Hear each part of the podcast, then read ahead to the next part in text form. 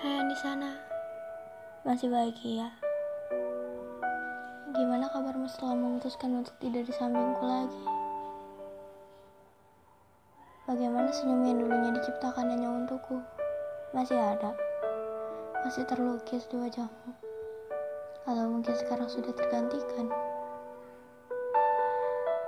Waktu itu kamu bilang, kamu janji kalau senyummu itu hanya untukku dan gak akan pernah tergantikan. Tapi kamu juga yang mutusin janji itu, seolah-olah gak pernah terucap dari mulutmu sebelumnya. Gak ada yang benar-benar pergi sampai sekarang. Senyummu, wajahmu, dan semua kenangan yang kulewati bersamamu masih terjebak di pikiranku. Aku tahu kok, kalau cuma aku yang merasakannya. Karena pada dasarnya, kamu udah buat rencana sebelumnya untuk mengakhiri. Gak apa-apa. Kalau emang aku bukan rumah yang nyaman untukmu, kamu boleh kok pergi sesukamu. Tapi aku masih di sini. Masih menjadi rumah yang akan selalu siap menampungmu. Dan masih menerima kehadiranmu untuk pulang kembali. Aku minta maaf sama janjiku yang pernah aku bilang kalau aku bisa ngasih semua yang kamu minta. Ternyata enggak. Aku sama sekali enggak bisa menuhin permintaan kamu untuk melupakanmu. Aku bukan langit yang dengan mudah melupakan hujan yang baru saja terjadi.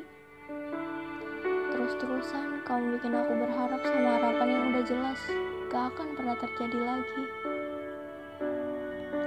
Sebenarnya boleh gak sih terus-terusan ngarapin kamu yang udah tinggal di rumah yang lebih layak? Kalau enggak, mungkin pelan-pelan aku akan rela juga. Rela menjadi langit malam yang selalu siap melihat bulan bahagia dengan bintangnya. Dan di saat bintangnya hilang, langit selalu ada mendampingi bulan walaupun gak pernah dianggap ada. Tapi kamu tetap tokoh terindah yang pernah muncul dalam hidupku. Sayangnya cuma pernah ya. Sebenarnya ceritaku ini mengharapkan tokoh utamanya hadir kembali. Sebab aku masih bingung cerita ini akan diapakan. Diakhiri begitu saja atau dibiarkan tergantung. Bisa kan kamu hadir sebentar lagi saja untuk melanjutkan